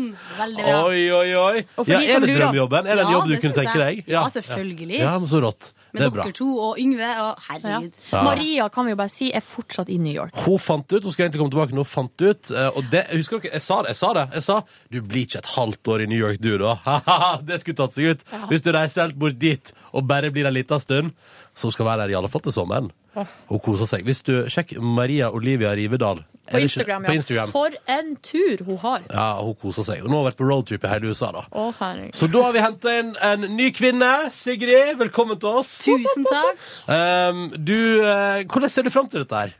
Hvordan har jeg sett frem til det? Mm. Jo, eh, jeg ser jo på det som en liten utfordring å stå opp så tidlig, selvfølgelig. Ja, ja, ja, ja. Men samtidig, når jeg kom på jobb i dag, og dere kom inn der, Mhm. og, og nå peker Silje Ja, for du må bare dra mikrofonen Jeg der. slapp Ja, herregud, mikrofonen står jo ute til sida. Ja, ja, ja. det Ja, bare dra den tett inntil munnen. Ja. Ja, ja, Okay, har, men- har, har du pratet på radio før?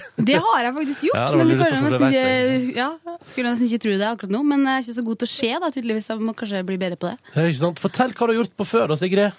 Før så Sånn jeg yrkesaktiv karriere og sånn. Altså, for det første så har jo Sigrid var jo min fadder. Ja. Var du det? Ja, ja, tenk på det. Når Hæ? jeg var student i Volda, så var Sigrid min fadder. Jo. Er det sant? Mhm. Var en bra fadder, da. Hus Ja, ganske bra. Ja, tydeligvis ikke så bra, for du husker ikke Silje. Jeg tror kanskje ikke det var du som var fadder. For Fordi- det, var tre, det var nede i det okergule huset, det var mine faddere. OK, ja, kanskje det ikke var det Jeg ble fadder, i hvert fall. Ja. Men kanskje ikke for deg. Uansett, Sigrid gikk i klassen over meg. Ah, ja, ja, ja. Mhm. Mhm. Så da har du gått i Volda. Ok, kult. Gått i Volda. Og så er du fra Møre og Romsdal. Ja, Kristiansund. Ja, ja, ja. Stemmer det. Stemmer det. Kristiansund. Eh, og så har du gått til Volda. Flytta ikke så langt, da, med andre ord. Nei, det var ikke så veldig langt. Eh, og så bodde jeg i Oslo en stund. Mm. Jobber med radio her på Marienlyst. Oh, ja, hva gjorde du på, her på, på radioen, da? Da lager jeg barneradio. Å! Barnetimen på P1. Ja da. Ganske annerledes enn Ja, her. Men, det tror jeg på. Ja. Og så har jeg studert litt dokumentarfilm, og så Oi. har jeg jobba i P3 Sommer i sommer. Der har jeg hørt deg. Ja. Ja, ja. Digg. Og så har jeg jobba på nett. På internett og skrevet saker om alt mulig rart som foregår på P3 og på NRK3. ja. Tenk det. Det har nå vært litt eh, Det det er mangfoldig eh, opplegg. Ja, ja, ja. Det har vært det reise der. hva var det og rota med den der eh, dokumentarfilmperioden, da? Nei, det var, i Volda, ikke det? nei, nei, det var på Lillehammer. Ja, Det var der du var, ja! Jeg ender liksom alltid opp på sånne små plasser, har jeg funnet ut. Men nå er jeg jo endelig her i Hovedstad. Oslo. Ja. Ja, ja, ja. Velkommen skal du være til første arbeidsdag i dag. Takk, takk. Eh, Veldig bra vei. Det blir stas der, da. Ja, Har gleder meg du, skikkelig. har, du, har du opplevd noe på jobb i dag som du vil trekke fram? Jeg opplevde masse bra. Jeg likte spesielt eh, godt eh, da dere snakka om eh, den der eh, japanerne som eh, vi egentlig trodde var en sak fra Norge, Ja, men som ja, ikke ja. var det. De som Mhm. brukte bleie, ja. Ja, ja, ja. Og ikke minst eh, musikken som blir spilt eh, rundt nyttårsaften. Ja, ja, ja. ja, ja. Det kom noen gode quotes, i hvert fall, fra begge dere to. se der. Ja, Se der, ja. ja. Ja, Nå er det du- evaluering, det liker jeg. Ja, Ja, ja. Tore. Strømøy, hallo. Den må jo bare med. For en fyr. Ja, det var For en fyr. Han er artig. Han er artig. er artig, altså. Det var rare greier. Det det Fifty Shades-greiene der, det var topp, det. Men det der intervjuet i Dagbladet, kan jeg bare si, det vi tok utgangspunkt i det sexy opplegget. Mm. Altså, de artiklene der, det er Det syns jeg er ganske ra- Det er Altså, jeg syns ikke de Når, når overskrifta er eh, blir aldri kalt sexy, eller eh, har aldri blitt kalt sexy, så får man jo et inntrykk av en person. Det virker jo som når det er det viktigste og står på topp, så er det akkurat som om Ja, men da er det det som er det viktigste for Tore Strømøy akkurat nå. Mm. Ja. Og der syns jeg at de har en vei å gå, de som skriver sånne artikler. Mm. Fordi det må, går ikke an at hele Norge skal sitte og tro nei, herregud, Tore Strømøy sitter hjemme og bare Herregud, det skulle vært mye mer sexy. Mm. Nei, Gud, det er jo ingen som sier noe sånt ut av det blå heller. Så jeg tenker, vi, når du leser det, så tenker du jo med en gang litt at her er det noen som har vært ute og Ja, vi gjør i brukt hvert fall det. Ja, det Men beste de har funnet her. Og Det er min eh, oppfordring i dag. Alle sånne artikler må leses med en såkalt klype salt. Aldri få liksom inntrykk av en person ut fra hva som står i rampelysavdelinga til VG og Dagbladet. Men så veldig bra at dere gir den en sjanse til å vise at den faktisk er ganske sexy. Ja, det syns jeg var fint. Og litt flaut òg. Vi slo et slag for Tore Strømøy i dag. Mm. Vi slo et slag for uh, Tore Strømøy i dag. Får du melding? Hva er det som skjer der borte som er så Eh, viktig? Nei, det var et møte som ble avbrutt. Et Å, ja. møte som jeg skulle på som ble avbrutt. Jaså, ja. Så det var bare, jeg måtte bare sjekke hva det var for noe. Og det var akkurat det jeg trodde det var. Møtet ble avbrutt. Hvilket møte? Eh, nei, vet du, egentlig eh, Det var noe sånn eh, promogreie jeg skulle lese. Men så var det ikke nynorsk. Åh. så da det droppa. Så der, da. For der er det du, Tore Sagen og Steinar Sagen som leser. Og du, det er mange som leser. Kari Slottsvenn leser. Gjør Når det, det er kvinnestemmer, ja. Å, ja, gjør det, ja. Eh, jeg vet bare at eh, jeg har fått lov til å lese innimellom når det er på nynorsk. Men så var ikke dette programmet på nynorsk likevel. Så da ble det ikke noe av. Hmm. Så da skal ikke jeg gjøre det i dag. Det betyr at jeg har bedre tid til å gjøre andre ting! Akkurat som jeg gjorde i går. Andre ting, ingenting, eh, Gjorde du ingenting i går? Jeg uh, var kommet hjem fra jobb, spiste nok brød med pålegg.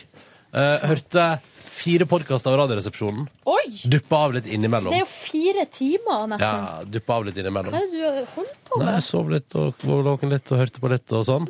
Eh, og så var det en rolig Så eh, to episoder How I Met Your Mother i går. Jaha. Eh, Ny sesong? Ja, ny sesong. God stemning der. Amerikansk iTunes-konto. Uh, ja. Funka som ei kule. Betaler for meg, men det er litt i gråsonen siden det er jo kjøpt fra Amerika, da. Eh, så det var egentlig kort oppsummert for meg. Sigrid, hva opplevde du i går?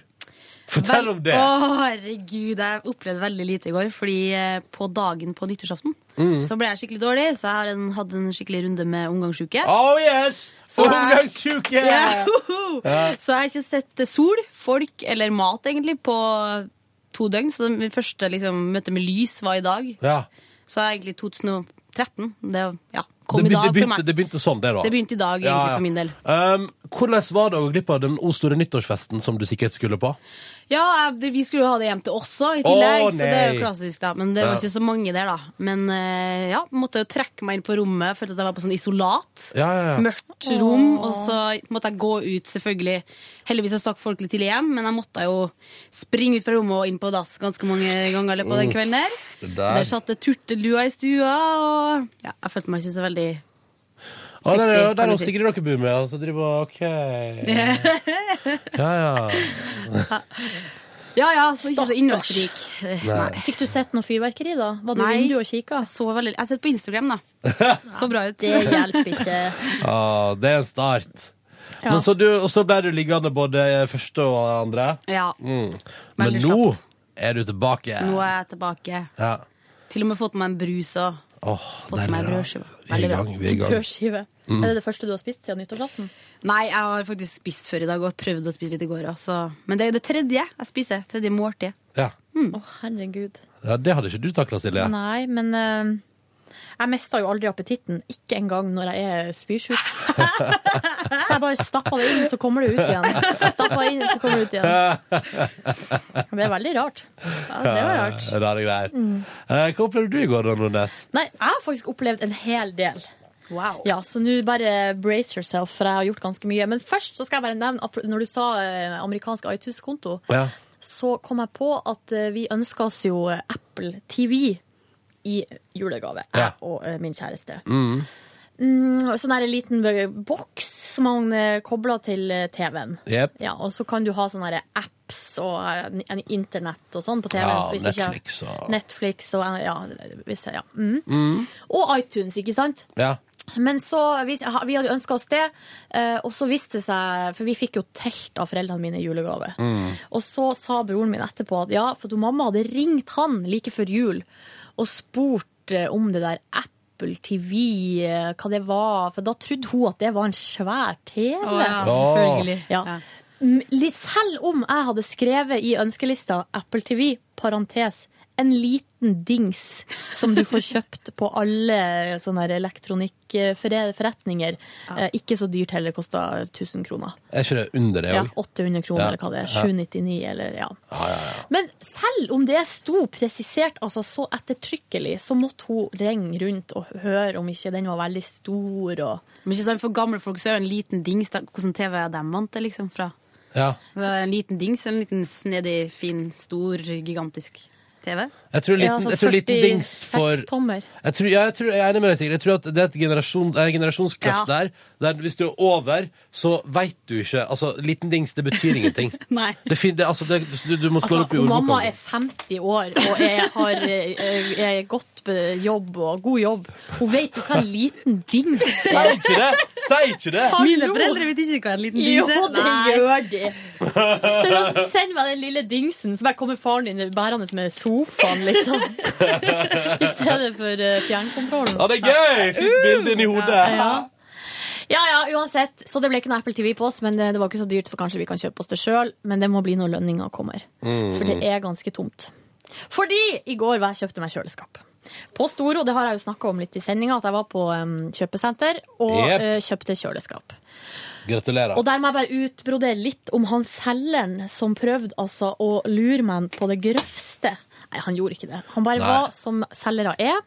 Jeg kom og sa hvor er det kjøleskapet som er på tilbud som koster 3000? Så sa han det står her. Men det er ikke så veldig bra. Oh, ja, ja. Kom heller og se på det her kjøleskapet som koster 5000. Det er også på tilbud. Eh, Men det er mye bedre. Du får så mye mer for pengene. Men tror ikke du at han kanskje har rett? Jo, jeg tror kanskje han har rett, men problemet Altså, jeg sto liksom og vurderte frem og tilbake, var og kikka på forskjellige skap, åpna de, lukte igjen, eh, og var veldig sånn på vippen. Mm. Og, så, og han bare kjørte på liksom med salgsargument. Hadde, men hadde han vært litt mer tilbaketrukken, så hadde du kjøpt det til 5000? Nei, jeg tror ikke jeg hadde gjort det, men, men det, som ble, det, det som vippa meg helt eh, Helt sånn her eh, urokkelig over på 3000-skapet, var når han åpna skapet da, på det billige skapet, og så sa han Se på inventaret her. Se her inne. Jeg ville ikke hatt maten min her inne. Hæ? og så bare åpna jeg kjøleskapet, og så er det sånn Ja, det er jo et helt vanlig kjøleskap. Ok, da er det sånn litt Og så bare ja, Vet du, jeg tror jeg kjøper det billige skapet. Ja, så Men da vet du at han selgeren ville iallfall ikke hatt maten sin der inne. Æsj!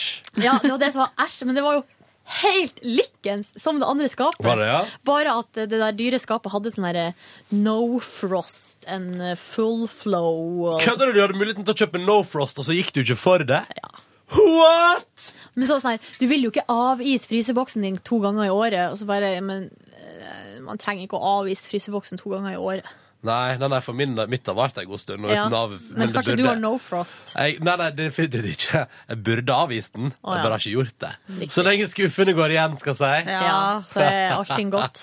ja, da er allting good. Ja, ja. Så da ble det det. Og eh, det var jo flere dilemmaer som kom, for at jeg skulle jo eh, kjøpe levering. Og da var det Ah. ene alternativet var å få det levert til døra. og Da kommer de bare og setter det utafor huset, Mm, og så kjører de igjen. Det kosta 250 kroner, tror jeg. Eller 290. Mm. Og så eh, var det andre alternativet var at de, da bærer de det helt inn. Og tar av pappen og sånn. Ja. Jeg bor jo i andre etasje, uten heis. Mm. Eh, og så sier jeg hm, ja, tror du at vi eh, Hvis man er to stykker, klarer man å bære det? Ja, og det var det jeg skulle si. eh, Å få det levert helt inn i leiligheten kosta 700 kroner. Å, er det såpass, ja? Ja, så det var 400 Men, kroner ekstra. men kan jeg spørre om en Fordi det er jo litt sånn der at du må jo sette det opp litt og sånn. Og må ikke du liksom Er det ikke bare å sette inn i kontakten? Nei, men jeg tror Må ikke du vekte det litt òg, sånn at du ikke står og rister og sånn? Det, det opp, vi liksom? har jo vater og sånn. Det ja, okay. vi få til. Men spørsmålet var gjør det det for deg for de 700 Ja, kronene? ja, ja, ja. Jeg hadde valgt, jeg hadde valgt det. Jeg hadde gjort det, altså. Ja, men det er 400 kroner ekstra. Men når du står og bærer og sliter med det Ah, kjøleskapet, faen, det så så tenker du det har vært det. så verdt det. Når du først skal kjøpe kjøleskap, liksom. Ja, det er så dyrt i utgangspunktet. Ja. Ja, ja, det er bare å hive på deg 700 ekstra. synes, da ble det jo nesten 1000 kroner dyrere. Ja, ja, ja. Ikke interessert. Altså- og så spurte han ja, men, Silje, kan jeg bare si at Hadde jeg vært på den butikken her i går, Ja. eh, så hadde jeg endt opp med å betale 5700 kroner. Kjøleskap og full levering og montering. Ingen tvil. Og jeg hadde valgt det dyreste.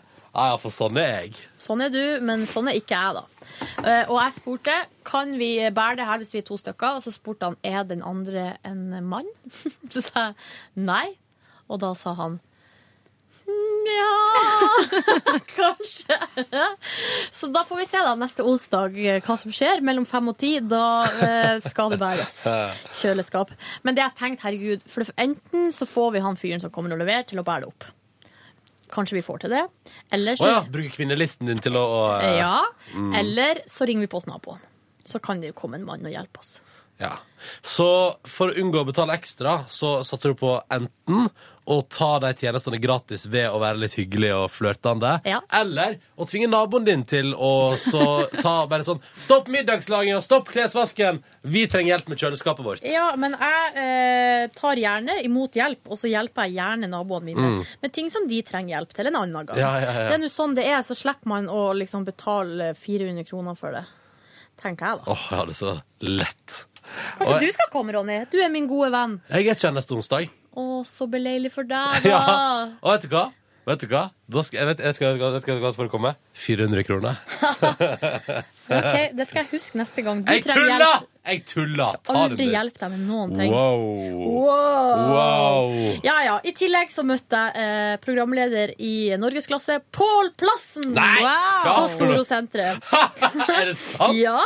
Og det som er at jeg har aldri hilst på han før, men jeg vet jo hvem han er. selvfølgelig. Ja, ja, ja. På Twitter, Han har vært på TV til og med i jula. Ja. Så um, Og så var det han som sa sånn Hei, er du Silje fra P3 Morgen? Så sa jeg ja. Så han bare å ja, så koselig og så hyggelig og så artig å høre på dere. Og, så det var jo veldig ego-boost for min del, da. Ja. At han var så positivt innstilt. Hei, Pål. Han hører jo på podkasten. Jeg vet ikke om han hører hele. Nei, det er sikkert datt av nå. Men hvis du er her ennå, Pål, hyggelig. Det var kjempekoselig å møte deg. Ja. Pål Plassen er jo en veldig trivelig fyr. Ja. Mm. Så det Og det slutter ikke her. Hvor langt har jeg kommet nå? Nå er klokka sånn tre i går. Ja. Hvor lenge var du på senteret? Eh, til fire. Ja. Så det er en time igjen på senteret? Nei, jeg møtte faktisk Pål Plassen før jeg kjøpte kjøleskap. Du gjorde det, ja? Ja, faktisk. Og du spurte, du spurte noe om råd?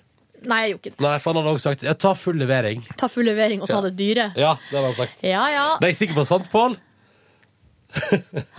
Han, svarer han. Han sitter, sitter, sitter hjemme i stua si og svarer. Ja, Han hører ikke på lenger. Ja. Nei, eh, jeg får jo hjem da etterpå, og så skulle jeg jo egentlig på trening i går, på yoga. Jeg hadde sett meg ut en time. Men dere, jeg har jo magesjuka. Ja, Sigrid, du vet ikke det, men jeg har krons Crohns i magen. Som er kronisk eh, betennelse i magen. Sånn at egentlig så skal jeg være litt forsiktig med maten jeg spiser, men i jula så har det visst gått eh, litt over styr. Å, hvordan da? Nei, jeg har spist alt som kom min vei. Mm. Drukket så sjukt mye kaffe. Jeg har drukket alkohol, røyka, altså gjort liksom alt man ikke skal gjøre. Og så toppa det seg på nyttårsaften når jeg spiste en svær biff. Og det skal jeg egentlig ikke spise. Og sist gang jeg spiste en svær biff, det var i Volda, og da ble jeg innlagt på sykehuset. Å, herregud. Men hva kan du spise, da? Alt Ingenting. Alt annet. Luft. Ja. Luft og kjærleik. Men, og helst Luft, kjærleik og billige kjøleskap, helst ikke så mye fett og sånn. Nei. Men jeg har jo spist liksom sylteflesk på brødskiva hver eneste måltid hele jula. Hvert eneste måltid. Så jeg hadde altså så vondt i magen i går at jeg visste ikke hvor jeg skulle gjøre av meg. Så jeg for hjem, la meg ned, nedpå litt, uh, chilla. Så på Justin Bieber-konserten fra Operataket. Don't ask me why. Men jeg ble så rørt.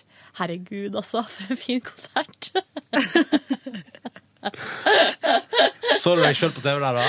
Nei, vi er jo ikke der, Ronny. Det har jeg jo sett eh, etter før. Oh, ja, ja. Men vi sitter jo der. Men heldigvis er vi ikke med på eh, TV. Nei, nei. Jeg dukka bare opp på den live-dekninga til VGTV. jeg. Samme her. Fikk sånn bilde på mobilen. Ja. Sånn Ha-ha-ha, er du på Justin Bieber-konsert? Men det er jo like ha-ha-ha til den personen, altså din venn, Som som, har stått og på- sett på det på. VG-streamen. Ja, ja.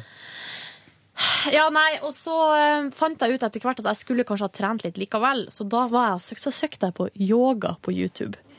Og så fant jeg noen sånn time som varte i 35 minutter. Rulla ut yogamatta mi som jeg fikk til jule, i bursdagsgave før jul, og hadde altså da yogatime på gulvet. Dessverre så kom kjæresten min hjem under denne seansen Dessverre? og satte seg i sofaen og så på meg med dømmende blikk.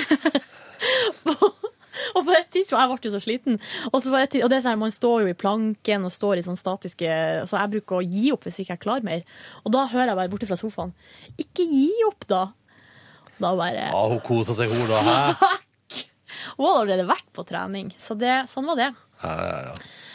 Og jeg ble sykt sliten, men så dusja vi, og så for vi og spiste kveldsmat hos noen venner. Og da Oi. tror jeg dagen er nesten over. Kveldsmat hos noen venner, sier du? Mm. Oi, oi, oi. Rundstykker, eh, eggerøre Nei, Det var sykt godt, men jeg spiste Oi. meg jo selvfølgelig altfor mett. Fikk vondt i magen igjen? Ja. Nei, du, nå Det er for mye med deg. Men for en aktiv dag. Kjempeaktiv dag. Jeg er så Mm. fornøyd. Jeg er mest fornøyd med det kjøleskapet. Selv om det var billig, gleder meg så sjukt til å få fryser. Jeg skal fryse så masse ting. Jeg skal fryse alt jeg har. Fryser deg sjøl òg, eller? Nei, Det er ikke plass til meg oppi der. Sette føttene nedi og se hvor lenge du klarer å holde. Ja. Mm. Herregud, det var noen japanesere som hadde stått et døgn i fem minus i bare badebukser. Hvorfor det? Nei, det var noe sånn, her, sånn som de holder på med der borte. Et forsøk, sikkert. Ja, det der er sånn Jeg syns jeg holder på med der borte. Ja. De gjør mye rare ting der borte. Kødda! Kødda! Ja. OK! Det står på en av nettavisene As We Speak, men jeg husker ikke hvem det var. Du, kjapt spørsmål om det der med å invitere folk på eh, altså en slags kveldsmat. Ja, Det er uvanlig. er det det? Men det er veldig koselig. Ja, Litt uvanlig, kanskje. Jeg har sett at det skriver folk sånn på Face eller på, eh, jeg ser på Instagram at folk sitter og spiser i lag på kvelden. Så tenker jeg sånn Å, sånn vil jeg også ha det. Og så var vi hos det her, det er et vennepar, så vi var hos dem på nyttårsaften. Og da snakka vi om det, at det er så koselig å sitte og spise i lag. Ja. Hvorfor gjør man ikke det Det var der de, de poisoned you with the beef. Nei, men jeg ble faktisk spurt om det var greit at det var biff. Ja. De kunne lage noe annet til meg. Så sa jeg herregud, det går helt fint. Ja, ja. Så kunne jeg jo ha latt være og spist så utrolig mye. Så kom du dit i går igjen og stappa i deg enda mer! Ja, jeg gjorde det. Eh, sånn er det. Men eh, jo, for at poenget er jo at når, ofte når man inviterer Jeg syns av og til det er litt sånn stress å invitere folk på mat. Fordi at man skal gjerne ta og lage fancy, og så blir man nervøs og får prestasjonsangst, og nei, jeg får det ikke til. Altså, det blir bare stress, da. Mm, ja. Men det er jo mye hyggeligere når man liksom bare Jeg tror de hadde bare baka rundstykker sånn tilfeldig. Og så var det sånn, ja, kan vi ikke bare Tilfeldig baka rundstykker? Ja, men De hadde ikke begynt på jobb og skole ennå. Oh, Det er jo ferie. Og er det noen som driver med det ennå? Ja, ikke sant? Gått tur i skogen og baka rundstykker. Så var det sånn, at noen, kanskje dere har lyst til å komme og spise? Ja, det har vi. Så det var utrolig koselig. Ja, det var koselig. Så nå må vi invitere dem tilbake, så spørsmålet er hva skal jeg lage? Jeg blir så stressa uansett. Ja, ja. Vafler. Det er alltid bra. Og Det blir sånn vaffellukt i huset, jeg liker ikke det. Åh, det er beste, syns jeg. Hele vaffelspisinga. Å ja. Lukta, eller bare ja, lukta mens du lager det. Men det setter seg jo på klærne og i håret. Ja, det er ikke det verste du kan lukte, eller? Jeg syns det er bl- topp uh, Jeg sier topp ti, da. Å, herregud. Ja, ja. Nei, jeg kommer på ganske mange andre ting som Kom, nevn en, en annen ting. Som er verre, som er verre å å lukte. Fårikål. Omgangssjuke. Oh. Ja, men nå tenker jeg på mat som man spiser, ikke, ikke sp så bæsj. Spy. OK, fårikål. Lutefisk. Det lukter ikke så mye. Jo, jeg syns det lukter ganske og godt. sånn rakfisk kan sette seg. Ja. Men det, det som også setter seg, det man aldri må gjøre Vi har jo ikke vifte på kjøkkenet vårt. Og det man aldri må gjøre da, er jo å steike fisk på panna. Eller, Ah. ja, for at det må du ikke gjøre. Og faktisk bacon òg. Det er tricky, tricky. Ja. Åh, jeg har jo ikke røykvarsler for tida, fordi den ryker jo. Herregud, Ronny, det må du skaffe deg. Det er livsfarlig. den, den, av er, det. den er frakobla, fordi den bråker alltid når det blir stekt bacon hjemme hos meg. Og ikke at det skjer så ofte, men sist det skjedde, så måtte jeg inn og evakuere, og da orka ikke jeg sette den opp igjen. Så det der er farlig, Ronny. Å ja. Ja, det er farlig. OK. Og du som sover så tungt òg, du kommer Oh, deg ikke yes. opp, du, vet du, hvis Nei, det blir, nei, brann. nei, Det stemmer. Takk for at du hørte på Petter Morgen. Er vi ferdige nå? Vi er ferdige nå. Nå gir vi oss. Eh, du, stas at du hørte på. Eh, og velkommen til deg, Sigrid. Tusen takk, Før meg til Sigrid fremover. Det blir Altså, hyggelig. Kristin, har vi sagt det, at hun har blitt sjef? Kristin har blitt sjefen Hun har rykka opp, så Hun hun, opp er ikke borte. Nei, nei. Eh, og så har den andre sjefen, Pernille, hun har rykka et hakk enda lenger opp. Ja, så det er generell opprykking her. Og det er fordi at, eh, at vår øverste sjef, Vilde Batzer Neste øverste, tredje øv- Altså, Ja. mye sjefer i NRK, men eh, ja, nei, hun Vilde Batzer skal altså ut på eh, som et Slapp av ferie. perm. Slapp av perm. Så det er topp, det. Ja, så da har vi forklart det. Mm. Er det Eh, noe mer vi skal forklare? nei. Hei til Pål Plassen hvis du hører på hyggelig. Kan ikke du være gjest i podkast-bonussporet vårt en Ja, gang? dæven, det hadde vært hyggelig. Ja. Men det må være på linje fra Trondheim, Ja, men det får vi til. det får Vi til. Vi sitter nå i et studio. Ja. Du, Kan ikke du, hvis du har tid til overs en dag, Pål, send oss eh, en beskjed. Eller hvis du hører på podkasten vår. Ronny at nrk.no. Ja, ja, ja. Ja, ja. Og så sier du sånn Hei, jeg vil gjerne være med. Dette er altså en invitasjon, og nå må du RSVP-e. Dette blir- offisiell, eh, Offisiell invitasjon. Ja. Ja. Er ingen kleskode eller noe sånt hos Nei, oss. nei, Det er bare helt kos. uformelt. Men du må ha med kaffekoppen din. Så er det good times. Ja. Så blir det spennende å se. Nå får vi se om han svarer. ikke sant? Det blir gøy. Følg med i spenning. Men Jeg tror ikke han har begynt på jobb ennå. Kanskje han ikke Ja, men da er har det de daglige rutinene. sånn, ja. Ja. Rart, Han var jo skal- på Storosenteret, ja, liksom. I Oslo, liksom. Ja. Kommer det, da? Var jo på ferie, da. Ja, ferie, ferie på Storosenteret.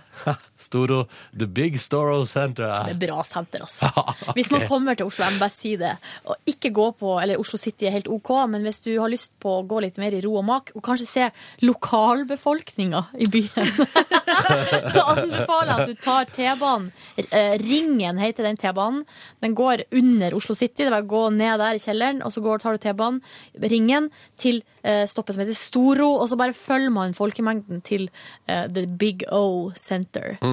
Og der eh, er det god Til og med jeg har klart å finne fram til Storosenteret Ja. fra T-banestasjonen. Da bør det gå an for alle andre også. Det er et ganske bra senter, må jeg si. Ja, ja. Takk for at du hørte på podkasten vår. Glad i deg. Ha det bra. Nå har ikke jeg tissa siden klokka var seks, dere. Det er fire timer siden. Det er fire timer, og eh, ti kopper kaffe og én kopp grønn te. Så da skal jeg gå og tisse. Ja, Kanskje vente vi har laga trailer, da? Å ja, OK. Ja, jeg kan vente. Okay, Da skal vi forte oss. OK, ha det bra. Ha det. Ha det.